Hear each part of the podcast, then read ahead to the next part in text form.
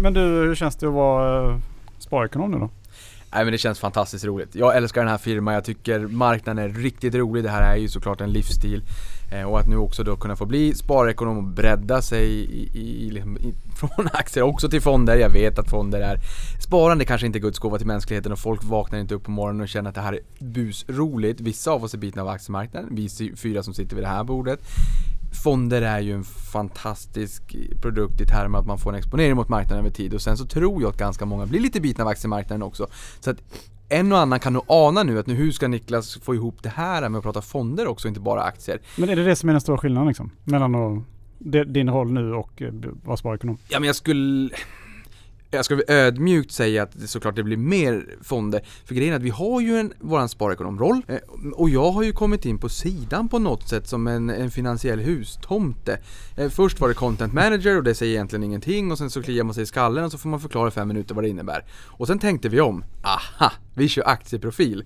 Och så här, vad är det för någonting då? Och sen så får man förklara i fem minuter eh, när folk reser sig i skallen. Nu blir det väl kanske lite mer tydligt och då blir det den mera mediala kontakten och bredda sig att prata om fonder också. För det här har funkat så bra tillsammans med Johanna. Det har blivit naturligt att jag har tagit aktiefrågorna och Johanna fondfrågorna. För att hon har kanske i relativa termer gillar fonder mer och jag gillar aktier mer. Nu blir det bredare så att det här blir ju en utmaning för mig också eh, framåt. Vilket är väldigt, väldigt roligt för nu får man ju jag lär mig massa nya saker hela tiden. Men nu lär jag mig kanske ännu mer. Eh, så, så, det är kul att få känna sig som ett blåbär. Jag har säkert alltid varit blåbär men nu är jag ett dubbelblåbär. Det är som man säger, fonder är inkörsporten till aktier. Till sparande. Eller hur? Precis, Eller i mitt fall tvärtom. Det börjar med en knappnål liksom. jag har gått från... Du har landat i fonden. Jag har landat Du har mognat och landat i fonden. Ja, vi har med eh, oss äh, gästen, investeraren här äh, ytterligare en gång faktiskt. Ja, men han var ju så populär. Han var så populär ja. Och sen fick vi lite tekniska problem också. Som gjorde att uh, vi försökte spela in men det blev inget. Nej. Och, vi får ta om allt med investerarna. Men nu har vi investeraren istället. Ja. Så nu blir det en mycket roligare ja. fredagspodd. Jag våldgästar in med. Och just det som du säger också. Jag tycker att det här är fantastiskt roligt för det är fredag. Ni är på plats. Det är riktigt kul när ni är här. Och att det här blir lite grann för mig i alla fall som en, en, en AV-känsla att man får bubbla av sig lite grann. Det har ju hänt enormt mycket på marknaden, åtminstone sen vi pratades vid sist. Så att jag tycker att det här är riktigt, riktigt, det är mysigt. Vi är mysiga. Vi är mysiga, det är, ja. det är klart Kul att ha dig här i alla fall. Tack. Det är det alltid. Uh, ja, Kalle. Kör på nu. Vad börjar vi med? Mm. Ja, nej men jag tänkte Det är som sagt andra inspelningen ja, här, så vi är lite stressade. Ni har ju fått öva en gång redan innan. ja, men jag tänkte ju eh, dra det här med att uh, vad som förändrade mitt liv som investerare kan man säga. Oh. Och uh, mm. det här låter ju väldigt tungt då, uh, och det är det också. så att jag ska försöka göra det väldigt kort bara. Men jag tycker om det här begreppet den andra maskinåldern då. jag tycker det är ett väldigt härligt koncept. och det myntades då av MIT-professorn Erik Brynjolfsson eh, isländska rötter som ni har. Och eh, egentligen då så är ju det här hela den digitala revolutionen som vi egentligen bara står i början av att uppleva nu. Eh, som då innefattar allting från eh, medicinska diagnoser till fjärroperationer till eh, eh, självkörande bilar som man då har hört mycket om i och för sig. Automatisering, robotisering, big data, maskininlärning eh, och sen artificiell intelligens också. Eh, och jag stötte på en liten rapport här av eh, Morgan Stanley faktiskt som jag eh, tyckte var bra. Där de då har listat om 19... Har du läst den? Den är på 150 sidor. Jag har den jag har, utprintad. Jag, jag har inte jag, kommit Det var jag som printade ut den åt dig. ja, jag vet. Nej, men jag har i alla fall skummat igenom den. Och de, de 19 champions då är ju, alltså det är ju bolag som vi alla känner till då i stort sett i alla fall. Det är ju, det är ju Alibaba och Alphabet och Amazon, Apple.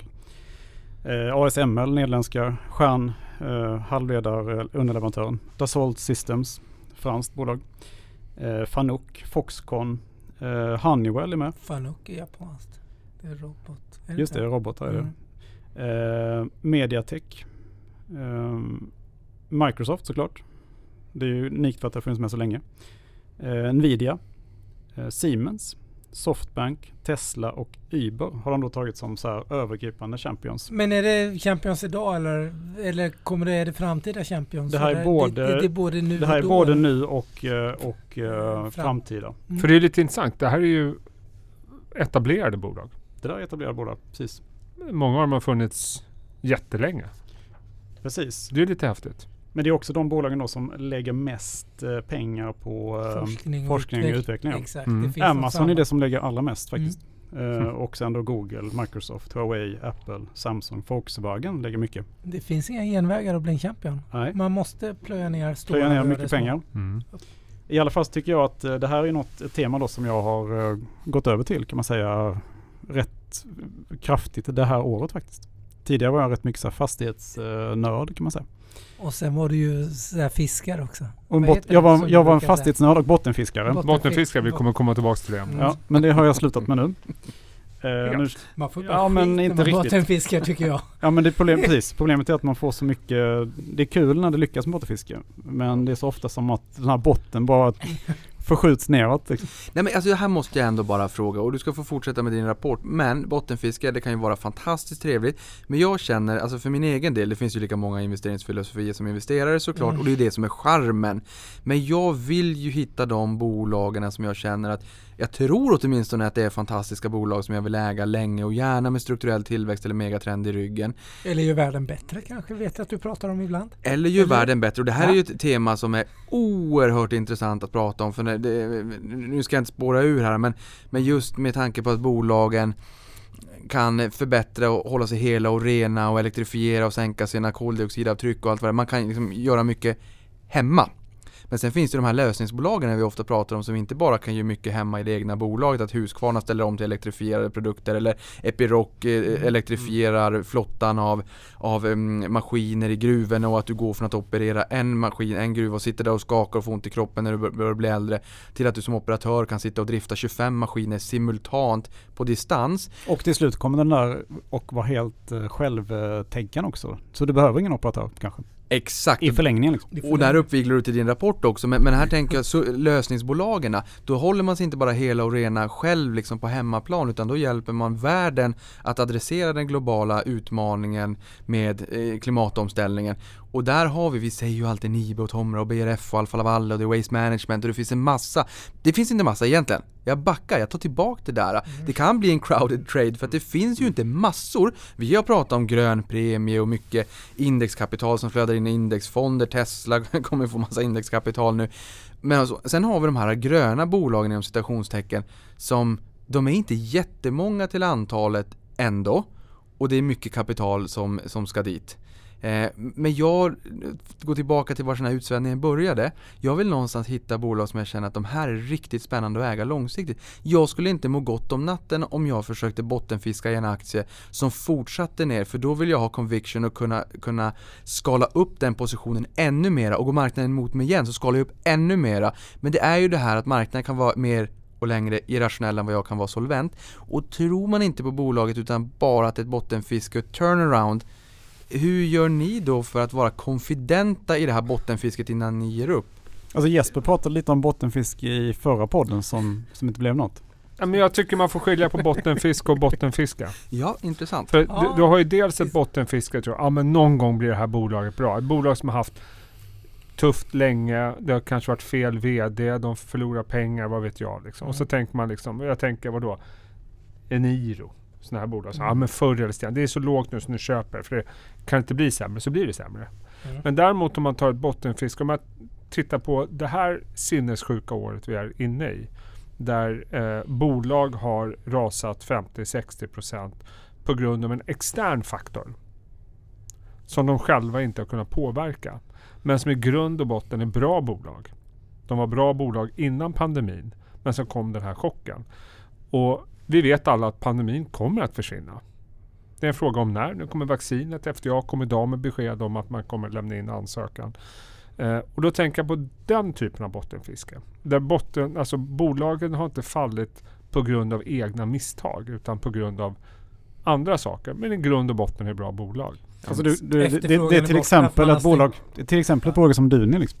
Mm. Du, som man kan kasta vi, vi blickar på. Men om man tittar på liksom, eh, de här, eh, vad man ska säga, coronaförlorarna. Va? De här klassiska. Vi har Actic som är liksom ett gym. Mm. Vi har Scandic Hotel. Vi har Pandox. Vi har Duni som du nämnde. Vi har eh, Vad finns det mer för någonting? Ja, nu har vi ju sig där Moment Group, de kanske är lite svårare. Och sen har vi massa internationella namn. Internationella, vi har kryssningsbolag, vi har flygbolag.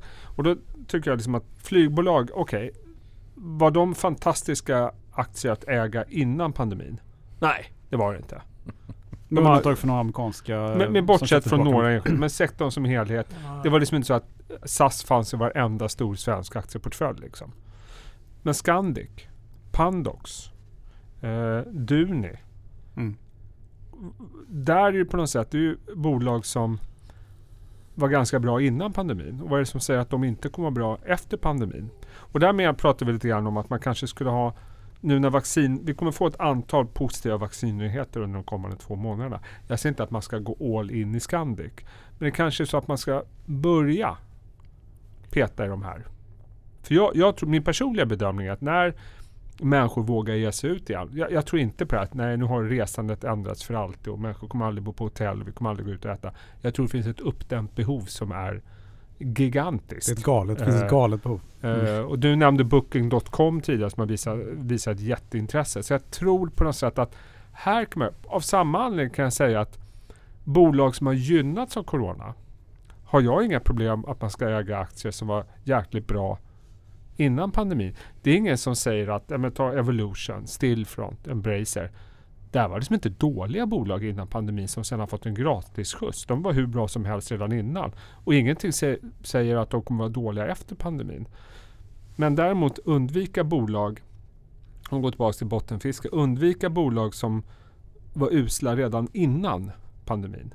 Vi har pratat om butiksdöden. Den har vi pratat om hur länge som helst. Den kommer förmodligen inte bli bättre efter pandemin. Där kanske är sista spiken i kistan, vad vet jag. Så att bottenfiska i bolag som faktiskt är bra bolag. Alltså köp, köp inte Unibail Rodamco då kanske? Alltså världens största shoppingcenterägare. Nej men det, det kanske jag skulle undvika. Men jag skulle liksom Pandox, Scandic. Mm, men Pandox tycker jag också är intressant. Jätteintressant. Jag blir nästan förälskad i dig. Det, det, är ju helt fantastiskt. Det är ju precis så här jag agerar. Jag har aldrig varit så aktiv och köpt så mycket som jag gjorde i våras. Mm. Och vissa kommer, jag har ju sagt det förut, men det var liksom en krasch under 18 dagar och det var den snabbaste kraschen i världshistorien. Jag tror att vi sa det här förra gången jag var med också, men, men repetition är väl kunskapens mode. Att i USA föll vi 38% på, på en månad och vi föll 37% mm. under andra världskriget under fyra år. Och det är klart att man vet att det kommer någon någon gång när vi är post pandemic. Och, och, det där med att man fortsätter att köpa in sig och skala upp de bolagen man redan äger och vill äga långsiktigt. Eller att man tar in någon ny liten pärla. för att man tycker att det här är ett kvalitativt välskött bolag. Nu har det blivit lite för lågt. Jag hade Pandox VD Anders Nissen i, i mm, podden mm, här för ett tag sedan. Han sa att eh, han har ju varit, blev hotelldirektör vid 25 års ålder, är VD på Pandox och har varit det i 25 år sedan, sedan starten 95 kontentan var väl att man kunde köpa en, eh, en krona i värde för en, en 50-öring. Mm. Och att de har haft premievärdering under större delen av tiden sedan de kom tillbaka till börsen 2015. Och sen var ju de upp 31%, SAS var ju också upp kring 30 och Scandic var väl upp 35, kryssningsbolagen var upp 25, 30, 35, nästan 40% i USA. Rotationen är ju logisk i det korta perspektivet. Men jag håller jag helt med dig. Men samtidigt är det så att om du tittar på nedgång som vi hade där i februari-mars, då följer ju allt. Det var ju i princip nästan ingenting som klarade sig. Problemet är att det mesta återhämtar sig och är tillbaks över nollan. Vissa har gått fantastiskt bra, framförallt eh, digitaliseringsvinnarna. Men Pandox är fortfarande ner 30 procent. Scandic är ner 60 Duni, vad sa vi, ner 30-35 procent också. Så de har inte gjort det. Och det är klart, det är bara för oss att gå ut på gatan så förstår vi varför det är så. Ja, Eller det, hur? Det är, men vad jag menar är att efter, nu när vaccinet kommer, alltså den sektorrotationen vi såg, eller sektorimpulsen som Erik Sprinkorn kallar det för, vilket är kanske ett bättre begrepp, är ju fullt logisk. Sen att rörelserna i vissa fall var klart överdrivna. Så är det ju alltid på börsen. Att man tar ut för mycket. Och, så, och vi vet att det kan vara passiva fonder och ETFer och vad som helst som styr det där. Men riktningen säger ju någonting. Det vill säga om vi tror att ett vaccin inom ett år är så pass utrullat att vi kan gå tillbaka till någon form av normalitet. Ja, varför ska Pandox eller Scandic fortfarande vara ner 30, 40, 50, 60 procent? Och ibland är, ju inte, ibland är ju inte börsen speciellt komplex egentligen om man Nej. tänker på det. Vi vill få det att verka väldigt komplext. Men, mm. men det är klart att om jag skulle gå till ett rödljus och sen så står jag där och sen så kommer det andra människor att addera på så förväntar de sig att jag har tryckt på mot, eh, tryckt för grön gubbe. Går jag mot röd gubbe och bryter ytspänningen så kommer väldigt många följa med. Och man ser de här rörelserna på börsen i den här typen av period också. Och Anders sa att det var en enorm, ehm, eh, vad ska jag kalla det för? En jätte jätteeffekt på bokningsläget mm. på hotell nu när det började lätta upp och man insåg att oh, men nu kanske det här är över. Sen kommer den här andra ja. vågen. Men det är ju det, vi förskjuter det bara. Ibland är det ju enkelt, gå till dig själv. Är du mer sugen på att resa och uppleva saker gå på restaurang och gå ut på puben och ha eh, samkväm, trevligt med, med vänner och bekanta. Samkväm var väldigt ålderdomligt, lite militäruttryck. Men det är väl klart, vi har ett oerhört uppdämt behov. Man har aldrig varit så sugen på att resa som när man inte får. Bara gå tillbaka till själv. Man kan inte ligga i soffan och bara titta på sina streamingtjänster och käka godis. Och streamingtjänsterna, det blir 130 spänn i månaden max eller något sånt där. That's it, mer än så blir det inte. Godis kan man inte äta hur mycket som helst av. Vi har ja. pengar på hög, ja. Vi har ett jätteuppdämt behov. Hur ja, känner ni så. själva? Nej, men jag, jag, jag, det är klart att man ska Ja, du gillar man planerar ju världs, uh, världsresor här liksom. Lansen, du, ja. du, gillar, du älskar ju att resa. Ja, nej jag har jag många har bokat julresa. På lager. Så att, eh, det har vi många gjort. Jag inte, det är ju väldigt många. Men du kan även ta fastighetssektorn. Vi pratade om fastighetssektorn här i podden för någon månad eller två sedan. Jag kommer inte riktigt ihåg. För den hade liksom inte hämtat sig. Den, den åkte ner hemsidan då och vi, vi sa då att fan, ska man inte köpa fastigheter? Mm. Vilket visade sig då vara rätt. Mm. Sektorn är inte riktigt tillbaks över nollan men den ligger någon procent eller två ner tror jag. Men kolla på diskrepansen inom fastighetssektorn. SBB upp vadå? 30 procent i år kanske? Ja, den hade, man kunde köpa SBB för 11 spänn, kommer jag ihåg. Atrium Ljungberg fortfarande ner 30, Atrium Ljungberg fortfarande ner 30 procent. Mm. Huvudstaden är väl ner någonstans 20, vad vet jag. Ja, Castellum runt nollan. Och då, är ju, då fortsätter man det där med spelet att nej men, ingenting kommer bli sig likt. Atrium hade ju ganska svårt redan innan. Eller svårt, de, de hade liksom momentum mot sig för de hade butiker. Huvudstaden, bra lägen. Kommer den handlas Nej. ner 30% om ett år om, om uh, vi går tillbaka till det normala? När alla pengahögar ska sättas i arbete när vi Eller får ut igen. Mm. Så jag tror de där diskrepanserna inom sektorer kan man leta efter också. Mm. Tror jag. Jag, jag tänker, alltså det, bara ta tillbaka till vad, alltså vad jag är mest nervös för just nu, det är ju att uh, sådana här bolag som, fina bolag som Norwegian då skulle gå i konkurs nu. Så jag börjar känna lite sådär, lite rädsla för att det ska bli ont om uh, flygbiljetter och flyg, uh, Alltså slott så att säga. När jag ska ut och resa efter Ja men det kommer nya flygbolag. Man kan inte jo, ha men det liksom, kommer ju ta ett tag. en flotta av nya flygplan stående på, på jorden. Det är ju kapitalförstöring om något. Ja, de måste klart, vara de måste upp i luften och mm. det blir nya. Det, vi, det, är klart att det kommer nya entreprenörer. De poppar ju upp hela tiden. Jo, men det kommer ju ta ett tag. Jag hörde om någon 22-åring nu som var helt fantastisk i något sammanhang. Du vet, de kommer hela tiden. Det kommer alltid nya... Idag. Ja, ja, igår var det en Wizz Stock, Air. Stockholm, Kristianstad, Skåneflyg. Ja, men du ser, det är det jag säger. skönt, då kan du ta det ner ja, men fan, bankerna, eller vem, vem, sitter på de här tillgångarna? Ja. Det är väl de stora bankerna antar jag? Mm. Eller några ja, eller finansieringsbolag. De vill ju ut skiten. De vill ha upp det i luften. De kommer ju bra. Ja men jag tror var det inte Wizz Air som, som skulle gå in i Norge nu och jag tänker mig också Jo, de flyger inrikes där. Ja, kommer mm. man ens konkursa Norwegian? Så man kan ju konkursa så som det ser ut idag och sen så blir det något no bad, eh, bad Norwegian och good Norwegian och sätter de bra tillgångarna i ett nytt bolag och sen så är man up and running igen. För jag pratade med kollegorna på Börsveckan här i, igår inför där för att eh, Norwegian är det bolaget nummer fem på listan som Avancianerna har tankat på mest mm. senaste veckan. 42 000 ägare på Avanza. Det oerhört mycket. Alltså, jag menar bara för några år sedan så ett utländskt bolag kanske kunde ha en 5, 6, 7, 800, 900 tusen mm. ägare och det har ju exploderat. Men, men där hade vi um, Nio, eh, hade vi, mm, vad heter det, Li Peng va och, nej Li Auto och Xpeng heter de. Mm. Så Nio, Xpeng och Li Auto och sen hade vi Moderna på vaccinnyheten. AstraZeneca har ju en eh, cornerstek där vill jag minnas. Ja. Och sen har vi Norwegian eh, och snittinnehavet där är 2 500. Så visst, i media kan man ju skriva att avansianerna springer och kastar bra pengar för dåliga pengar. Men, men visar inte det hur starkt Norwegians varumärke är? Jo, men att tror, kunderna gillar Norwegian? Ja, och jag tror att man, ja. man, man, känner också att det blir en enorm potential om de får rätsida på det här. Och jag ska villigt erkänna, jag vet inte vart eh, flygplansflottan ligger och hur leasingavtal ser ut och om det är så att eh, långivaren kan ta tillbaka dem, vart flygplansslottar ligger, vart skulderna ligger, om man kan konkursa det i, i dotterbolag etc. Det var någonting som kollegan på Börsveckan var in på att man måste ha koll på vad som är vart och göra sin hemläxa. Men Tror ni verkligen att Norwegian kommer konka som varumärke? Alltså det är ju ändå ganska inarbetat och ett varumärke kostar mycket pengar nej, att bygga upp. Nej, jag tror att, att just det här att det har så många aktier, jag tror jag visar också hur starkt varumärket är egentligen. Och det visar väl också att varumärket är mycket värt. Sen kan det tilläggas i Norwegian att eh, det fanns ju ganska många kritiker innan pandemin. För mm. menar, som tyckte att man expanderade på tok för snabbt. Galet, och, mm och så vidare. Så att eh, det kanske man lär sig någonting. Nu kör de väl bara lite inrikes. Ja, jag tar mig inte hem. Nu kör de bara inrikes i Norge Ja, precis. Ja. Mm. Och jag tänker det fanns ju, om ni kommer ihåg förra finanskrisen. Eh, då fanns det ju, var ju isländskt flygbolag som var eh, väldigt aggressiva också. Som egentligen, som sen Norwegian tog över för mig. Om jag inte minns helt fel.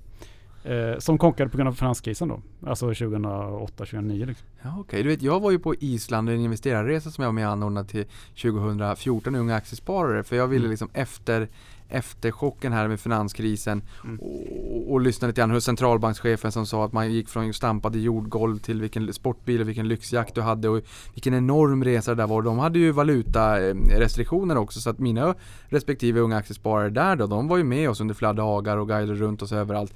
De fick handla 17 aktier och inte från utlandet och jag träffade även då VDn för Iceland där.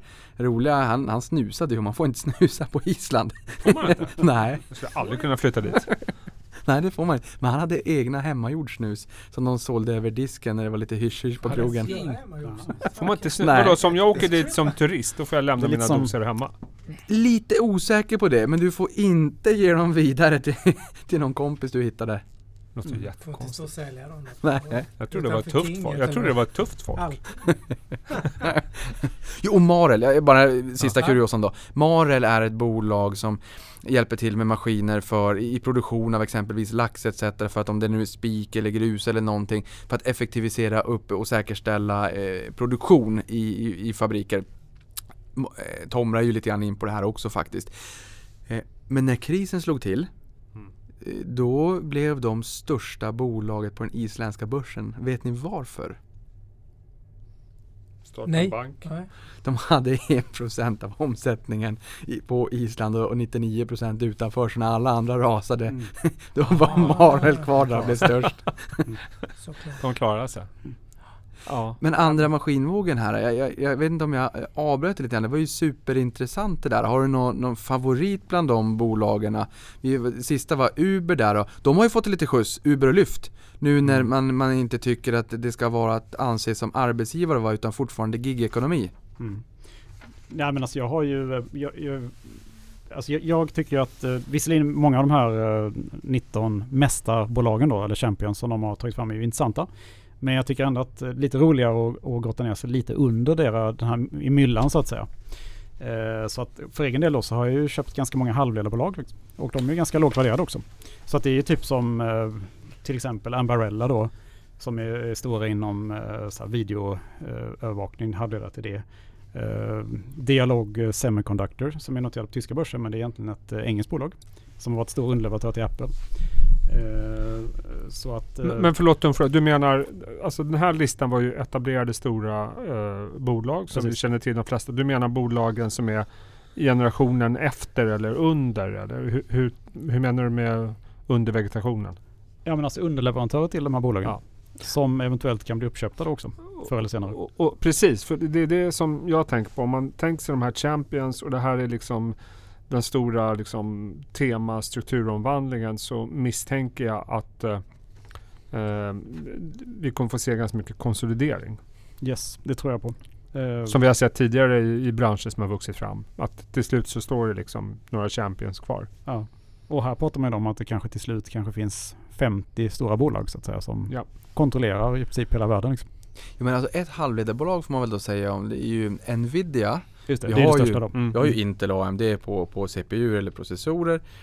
Men eh, Nvidia med sin GPU eller liksom grafikkortprocessorerna där, de eh, har ju varit en fenomenal resa. Eh, VDn är ju eh, VD och grundare. Han har, har ju varit VD under hela den här perioden. Och nu köper de ju ARM Technologies från Softbank och ger sig också in på CPU och har liksom arkitekturen som i princip alla halvledare bygger på. Och jag tänker mig, det är ett stort bolag. Men någonstans så kan vi sitta här idag och säga att ja men det är stort och det kan inte bli större. Men man har ju liksom ingen riktig aning om hur framtiden ser ut. För en gång i tiden så satt man och spelade Counter-Strike och då var det när grafikkortet den renderade ut en bild på dataskärmen och nu är det självkörande bilar. Så att nu tar man in en bild från verkligheten och analyserar istället. Det blir ju lite omvänt biofilmer som ska animeras etc. Där har man deras grafikkort för, för att rendera. Um, vi har stora hyperscale data centers. Jag träffade Jon Karlung på Bahnhof och han eh, förstod jag, det visste inte jag, men han är smyg-gaming-nörd. Han gillade paradoxspel. och han pratade om det här absolut senaste grafikkortet. Jag tittade också på den presentationen från Nvidia och VD, men jag fattade väl hälften om ens det. Men han var ju helt såld och lyrisk på det här och jag har förstått att det här är ett jättestort steg. Så det är inte att man går från liksom en telefon så blir det lite inkrementella förbättringar till nästa utan det är helt liksom, ett helt nytt steg. Lite grann som du är inne på med de här eh, bolagen som du pratar om. Och i de här bolagen måste man nästan göra sin hemläxa för det är oerhört svårt att veta vad, vad framtiden för med sig nu när det går så fruktansvärt snabbt. Det exploderar, det är 5G, det är Internet of Things. Han pratar om hyperscale data center, du sätter in värsting grafikkort i de här och sen helt plötsligt så kör du gaming, eh, som cloud gaming. Så att du behöver inte ha den värsta datorn och gå till mamma och pappa och säga till julklapp vill jag ha en dator för 30 000 eller 40 000 utan du har alltid värstingutrustning i ett hyperscale data center. Du har 5G eller eh, 1000 1000 megabit eller 10 000 10 000 megabit till bredbandet fiber hemma. Eh, och sen så kan du helt plötsligt bara spela där all eh, liksom all processorkraft sker i ett datacenter. Och då ska de också bestyckas, som han sa, det lät hårt. Men, men mm. datacentren ska bestyckas med den senaste värsta teknologin och Nvidia ligger helt rätt positionerat. Min kontentan här är, och det är input jag vill ha från er, hur riktigt tänker man när man säger ett bolag, det är, de är pionjärer, de är långt fram, man kan tycka att de är högt värderade. Man kan tycka att det mesta är gjort, att tåget har gått. Men om vi sitter här om 30 år, har det ens börjat? Nej, det har inte börjat. Det har, vi är precis i inledningen av det. Av den här förändringen. Det är precis som när elektriciteten kom. Det finns så, alltså vi har liksom hundra år av kraftig utveckling att se fram emot när det gäller den andra maskinåldern. Men en sak som slår mig, det är bara tre europeiska bolag. Ja, det är, alltså, det, det är helt sorgligt. Ja, det är egentligen. lite sorgligt. Mm. Du, du, har, du har ju lite fler om du ser, om du liksom gräver ner det då under. Till exempel om du går in på robotics till exempel så, så Japan, finns det fler. Du är ju tre kinesiska. Ja. Eh, vilket säkerligen kommer att vara betydligt Vad säger det om Europa? Ja, det är lite och sen är det mycket mm. amerikanskt. Mm. Det är liksom Europa satsar för lite helt enkelt på, på ja. forskning och utveckling. Eller på ja. framtid, på andra maskinåldern uppenbarligen. Vi satsar för mycket Vi på, på jordbruk. Vi första maskinåldern. Jag har ingen men, men Jesper, du är ju en prepper. Mm. Vad händer med forskning och utveckling? Hemma hos mig? Nej, men, men, vi leker med tanken att räntorna skulle normaliseras någon gång i framtiden och att räntekostnaderna därmed skulle öka hos många bolag. Jag undrar lite grann vad som händer med, med forskning och utveckling då, för det har vi slarvat lite redan sen efter finanskrisen ja. i många bolag. Samtidigt kan man ju backa bandet och titta på när, när var läkemedelsbolagen som mest framgångsrika? Det var ju långt innan finanskrisen och då la väl de vadå 18-20% på forskning och utveckling och blev sjukt lönsamma och tog fram de ena stora produkterna efter de andra. Så att jag tror forskning och utveckling kommer alltid betala sig i det mm. långa loppet. Mm. Jag tror att spela något räntespel på hur mycket man ska lägga i forskning, då tror jag man skjuter sig själv i foten. Men det är just att man måste våga, att inte, ja, en, att, att, inte få lägga sordin och en våt filt över investeringarna i mm. forskning och utveckling bara för att uh, en eventuell normalisering. Nu kanske det är så oerhört off topic i den här podden för högre räntor. Ja, det, det, kommer ju inte ske imorgon i alla fall. Det är ju Nej. mycket strukturellt men, som men talar ta, ta Amazon mm. är väl ett jättebra exempel. Det är väl de som ligger högst på forskning och utveckling va? Just de lägger ut eh, mm. Och ganska mycket mer än många andra. Och mm. Jag menar, när var det han startade det där bokföretaget? Uh, 97, 98. Ja, han hade nog ganska stor plan. Kommer det vara ett uh, större eller mindre bolag om 30 år liksom? Risken är väl att det kommer att vara uppstyckat tänker jag. Så kan det, det vara. Det ganska konstigt om det inte var det. Men jag tror säkert att de kommer sluka väldigt mycket. Jag har ju ja. svårt att se att, jag menar, man kan inte säga att det är direkt P 10 på Amazon. Nej, det är det inte. 10 plus. 10 plus, Men det växer bra. Det så att jag tror liksom att snarare att eh, när det gäller så här starka trender så kommer bolag bli större och större. Och mm. Jag tror... Eh, men, men kolla det, på... det, får jag bara citera Lars Frick? Ja, visst, gör det. Att uh, han berättar om hur de hade dragit ner rekommendationen på Nibe för tidigt. Nu säger jag inte att Nibe är en champion, men, men, han sa liksom att ja, Ibland får man kanske strunta i och titta på värderingen hur idiotiskt det än låter, säger han. För det, det, är ju så. Vi har, vi har en podd om, eller Pastol eh, har berättat om det i en podd som vi publicerade i, okay. igår här faktiskt. Ja men det, det, är ju lite grann Vissa trender är så starka mm. så att det blir nästan svårt att, vi är så vana vid att räkna, ja P talet för nästa år är liksom 20. Ja men i vissa bolag kanske man ska, ja vad är P talet 2035? Ja, men det, Förstår du vad jag menar? Det är väl det de säger i den här egentligen. Precis. För det här ska du ju tycka väldigt långt. Ja, för, du pratar om hundra år. Ja. kanske man ska titta fem så år eller sju vi, år vi har mm. framförallt vi som är tillhör den äldre generationen. Vi är så otroligt vana mm. vid. När vi växte upp på finansmarknaden så var det verkligen på något sätt P15. Mm. Då är det högt.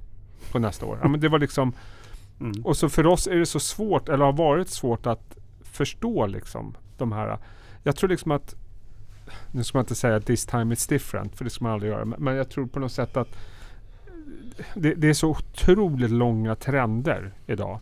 Som det inte var på samma sätt för 20-30 år sedan. Då var det liksom vanliga cykler i de flesta bolag. Och då blev det lättare att se om det var högt eller lågt värderat. Men idag när du pratar om cykler på 10, 20, 30 år. Då blir det ju ganska ointressant vad P talet är vid årsskiftet. Kan jag känna. Ja, men det är intressant det där. Och vi har ju liksom gått också från en industriell revolution Precis. och allt vad det innebär till en, en digital revolution med, med, i princip noll och inga marginalkostnader för att sälja ytterligare en kodsnutt när den väl finns där. Och starka varumärken som bygger stora vallgravar som bara som ni sa här blir större och större så att Stickenes blir större, svårare att lämna. Jag lyssnade på en, en podd som, som eh, pratade om IBM Mm. Och sa att de hade, jag tror att det var nio av de tio största bankerna. Nu vilket land det var, det låter jag vara osagt. Förmodligen en stor del av alla världens banker. Och anled och mycket repetitiva intäkter då. Men då får man ju så fundera kring, är det bra eller mindre bra repetitiva intäkter? För det finns ju grader i hel helvetet också. I det här fallet så är det ju förmodligen så att man inte är kund för att IBMs stordatasystem är så fantastiskt bra. Utan för att man är inmålad i ett hörn och inte kan byta. Ja. Yeah. Vi har som Det de, finns det många industrier sådana exempel. Ja, man, man, vågar inte vara riktigt innovativ. Men jag tror också att vad gäller värdering så är det jag har till exempel svårare att förstå när värderingarna är väldigt höga i verkstadsbolag. Jag menar Alfa Laval, vad har de för P-tal? 30? 25-30? Någonstans. Det har jag svårare att förstå. För där finns det ändå på något sätt, visst fantastiskt bolag, jag säger inte att det inte är det, men där har du ändå på något sätt normala cykler ja, som du kan räkna på någorlunda bra. Eh, eller SKF eller Volvo eller vad det nu är för någonting. Men de här bolagen, de här digitaliseringsvinnarna, jag menar ta Zoom, jag kan inte så mycket om Zoom. Det är klart att de har eh, eh fått väldigt mycket eh, vad det, medvind tack vare coronan. Men hur kommer ett sånt bolag se ut om 20 år? Det har vi ingen aning om. Nej. Eller hur? Men jag vet sant. ungefär hur Alfa Laval kommer se ut om 20 år. Ungefär. Om de inte gör något helt revolutionerande. Och det är därför blir det väldigt svårt tycker jag att prata, liksom jämföra P tal mot P tal Ja och här pratade vi förra gången jag var med i den här podden också just om Zoom. För där var ju på måndagen den 9 så fick vi ju vaccinnyheter då från Pfizer och Biontech och sen har ju Moderna kommit också. Och, och där såg vi ju, mm, Zoom var ju ner när jag kollade så var den ner nästan 30% från toppen. Och då det har varit en crowded trade, den var upp 700% eller något sånt där på ett år.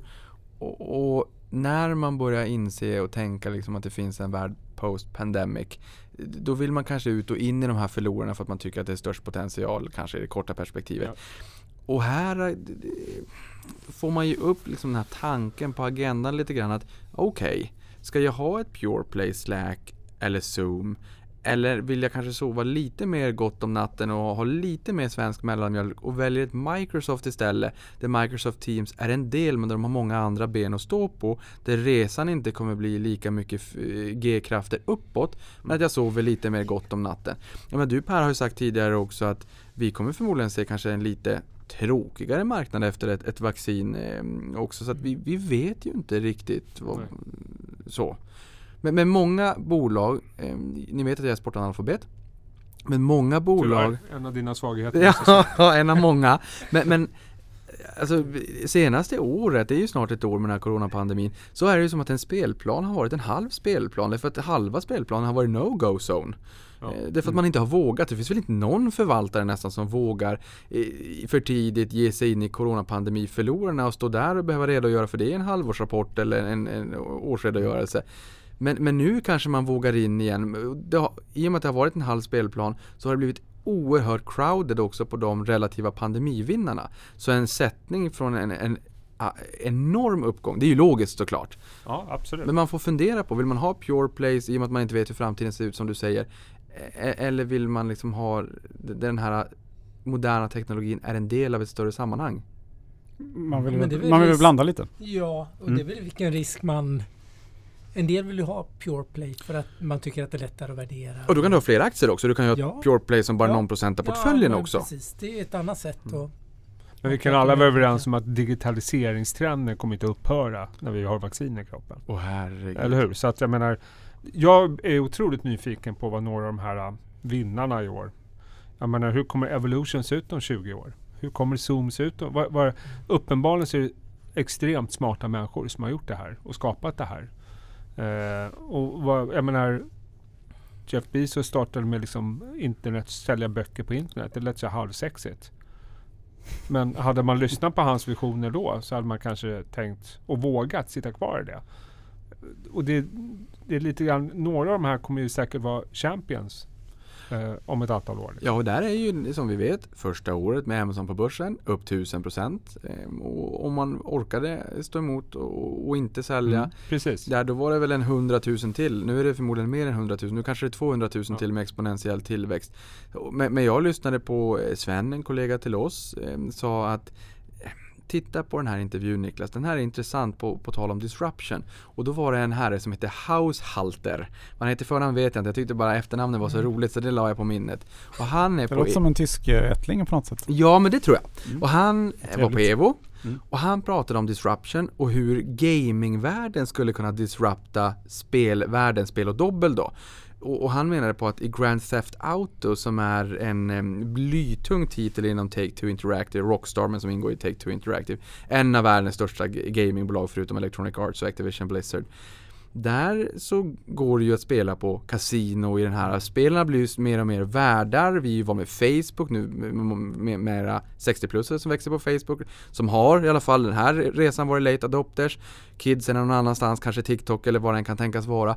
Men här pratar man om gaming. Kan det vara så att vi får se sociala världar i gaming i allt större utsträckning i framtiden så som vi är van med Facebook mm. idag? Mm. Och där går det att spela på kasino. Vad är det som säger att du inte spelar på ett kasino interaktivt med dina vänner i en digital online-värld om riktiga pengar? Och han menar att det här skulle kunna disrupt, disrupta oss. Mm. Mm. Eh, så nej, vi har ingen aning om vart digitaliseringen kommer ta oss. Framåt, det är väl det enda vi vet. Ja, väldigt intressant faktiskt. Precis, vi vet bara att eh, det kommer att få plats med mer och mer kretsar på en allt mindre yta. Ja, och det kommer krävas mycket mer processorer som vi var inne på nu när allt ska kopplas upp. Och bättre nät. Och, och mera säkerhet om jag får be. Det också, precis. Mm. Säkerhet är ett tema som är, det är en bra, bra trade tror jag. Jag gästades mm. av en hacker eh, här tidigare. Och hans... Alltså gästades, eh, ni hade möte eller han eh, gästade din dator? jag hoppas inte att han gästar min dator, men jag kan inte garantera att ta gift på det. Vi hade, vi spelade in en podd fast faktiskt via zoom så jag kunde eh, spela in och filma det också.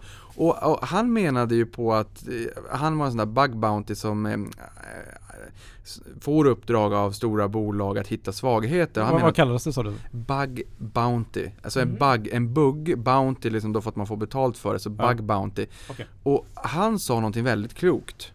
Han sa internet lever. Mm. Och då kan man tänka, vad innebär det då? Ja, internet lever, kod förändras hela tiden. Vi vill bara snabb, snabb time to market. Vi på Avanza exempelvis, vi släpper en ny sajt var femte dag. Det är en ny kodmassa som kommer ut hela tiden. Många bolag kanske tar in en konsult en gång om året eller två gånger om året. Samtidigt som de uppdaterar kodmassan i sina appar eller hemsidor, tjänster etc kanske flera gånger i veckan. Så att KO, jag menar, har vi egna datorer så kanske vi har tryckt i en knapp att uppdatera automatiskt så fort det kommer en uppdatering. Då förändras kodmassan. Du har en, en NAS eh, med, med alltså en sån här NAS-disk med dina familjens bilder och så. Vänta, vad är NAS för någonting? Ja, jag stod och funderade på vad förkortningen är, men det är network, mm, en hårddisk som du, ungefär som Dropbox eller iCloud eller Google Drive eller någonting, fast du har den fysiskt hemma, okay. stående så att säga, mm. hårdvarumässigt och sen så kopplar du upp den till nätet och sen kan du tanka upp alla dina filer där. Mm, där är det knappt någon som ändrar, eller knappt, men det är många som aldrig ändrar lösenordet från admin admin och tar sig in, eller routern är standardlösenord. Alltså, det ändras hela tiden och det kommer nya svagheter hela tiden. Vi har sett att man har hackat företag, man har gått in via ett uppkopplat akvarium exempelvis. och när, inte, när allting ska kopplas upp nu, det här kommer bara bli ett allt större bekymmer. Ja. Och inte minst när vi jobbar hemifrån för vi blir enklare måltavlor. Mm. Så att cybersecurity är ju en oerhört spännande trend. Och där, mina vänner, där måste vi bara ha börjat. Vi kan bara ha börjat på den trenden. Vet du vad Zuck Mark Zuckerberg hade ju eh, ett password som var ganska lätt att hacka. Ja det. Det var da da da som, som user och, och password var da da da. Mm. Nej. Eh, så det var ju någon som, det var i och för sig det var något år sedan då, men någon som hackades in i hans, hans konton. Mm. Jag ska bara säga också, för om det nu är så att någon sitter och funderar på vad står NAS för här och inte kan, kan fokusera framåt. Mm. Network attached storage. Så, Perfekt, mm. då har vi det. Men har det någon tillväxt? Kör man inte alltid molnet numera? jag skulle nog säga att man kör alltid mot. Jag har ja. en sån Western Digital och det känns mm. som att det känns jättebökigt. För då bör du inte bry dig så mycket om lösenorden. Eller lösenordet ja. måste Men kommer gröna vågen då? Att man flyttar mm. ifrån allt, kopplar ner sig totalt. Jag är ungefär där känner jag. Jag är på gränsen nu. Flytta till landet, skaffa några hönor. Och. Ja, men några kommer ju alltid göra det. Men eh, det kommer inte vara så många tror jag. Nej, vi kommer inte, vi kommer inte vara disruptors. 5G, 5G kommer jaga dig på, på landet med hönorna också. Vi kommer inte vara disruptors. Vi kommer jaga hönorna Jag ska börsnotera mig själv. Ja. Snacka om fallande kniv. Mm. det, det är fredag. Det, det är härligt. Ja. Nej men alltså någonting som jag ändå måste bara, ehm, eh, och du är absolut inte fallande kniv, eh, men, men, men någonting som jag tycker är oerhört intressant. Det är att OMXS30 ändå med den här eh, coronavaccinet och, och många kände ja, nu kanske vi får se ljuset i tunneln och sen är det många som var positionerade mot tech exempelvis som såg att portföljen föll ändå ganska mycket. Eh, tar vi OMXS30 30 mest omsatta aktierna på Stockholmsbörsen, 29 bolag till antalet. Atlas mm. har båda aktieslagen A och B. Men nu har ju OMXS30 gått hyggligt. Vi är på all time high vill jag mena på idag. Vi är över pre-pandemic nivåer. Nu kan ni fundera på vad är poängen? Vart vill du komma? Min poäng är att det finns ju en sektor som står för 25% ungefär av OMXS30 som har varit flat eh, totalavkastningsmässigt de senaste fem åren. Är det banker? Det är banker. Nu har ju de gått, ja, i snitt så fram till igår hade de gått upp 15%, SEB upp 20%. Så att nu alltså senaste month to date från ja, månadsskiftet november fram till idag när vi spelar in det här är det ju 20 november. Börsen är upp i och för sig 13% faktiskt. Från att det bottnar 30 oktober, den är upp mycket. Det är den bästa novembermånaden sedan 98. Men bank har fått rejäl fart under vingarna. Jag är mm. lite nyfiken på, på eran take på, på hur ska man tänka kring bank? Det är samma i hela Europa det är faktiskt. det är ett globalt fenomen. Det är globalt fenomen. Det är bästa sektorn i Europa. Ja. Och jag tror att det är ett typiskt eh, sektorrotationstänk ja. och massa passiva fonder och ETFer. Dessutom är det många som länge har påpekat att det är faktiskt en sektor som är lågt värderad. Vilket absolut inte är en garanti för att det ska gå upp. Men jag tror många Dels var det passivt flöde men jag tror väldigt många institutionella investerare sitter liksom med är sugna på. De tror att eh, kanske det värsta är över för banker. För hur tänker man där kring, jag menar, våra banker i Sverige kanske inte jättemycket, de kanske inte ger jättemycket eh, tech-exponering och det, jag förstår att det är orättvist. Men man kanske får jämföra det med annan typ av Adyen eller Visa eller Mastercard eller Square eller Paypal eller Ant Financial som det inte blev någonting av. Eh, som har mycket högre teknikhöjd. Mm. Men någonstans så storbankerna, ja det har väl blivit kanske lite sundare syn och perception på kredit, eh, kreditböckerna etc. Alltså vad är det förutom den låga värderingen och icke negativ ränta som ni tror gör att man... Jag, jag tror att det är, eh, givetvis är det det, men jag tror också att om man tittar på de senaste åren så har ju storbankerna haft eh, förutom att de har haft liksom sina Baltikum all skit som har pressat kurserna. Eh, som ju haft också gått igenom och går igenom strukturomvandlingar. Jag menar, de har varit efter på digitalisering. Eh, de har fått investera hur mycket som helst i compliance och, och så vidare. Så att de har ju liksom inte kunnat fokusera på intäkterna. Eller hur? De, de har ju liksom hela tiden omorganisera, omorganisera, omorganisera och pressa och hitta nya grejer. Och det är möjligt att man tänker att, jag menar det har ändå varit helt okej okay rapporter från storbankerna. Att det är möjligt att man tänker dels det du sa, man kanske säger att hela den här compliance-biten kanske kommer lugna ner sig. Eh, det kanske är så att de börjar närma sig någon form av ljus i tunneln vad gäller strukturomvandling och omstruktureringar. De kanske börjar hitta vad de är bra på. De investerar väldigt mycket i digitalisering.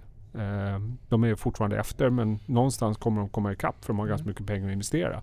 Så jag tror att många har suttit liksom med avtryckarknappen för att värderingarna, vad man än tycker, har varit i absoluta tal låga.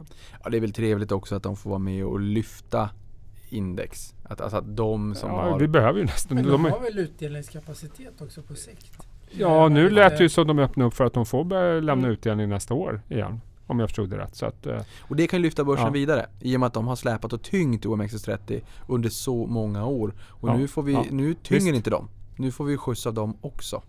Sen säger inte jag att Men det är en oljetanker som ska vändas? Det är en oljetanker som ska vändas. Sen är det inte ett självändamål att börsen ska upp högre så, men det är ju trevligt. Nej, där vet jag att du och jag är lite olika. ja, men man ska inte glömma bort heller. Eh, jag säger inte att jag är negativ till börsen. Det säger jag absolut inte. Men jag är alltid lite försiktig. Man ska inte glömma bort var vi var någonstans innan pandemin. Var vi lågt eller högt upp i konjunkturcykeln innan pandemin? Vi var jävligt högt, skulle jag vilja säga.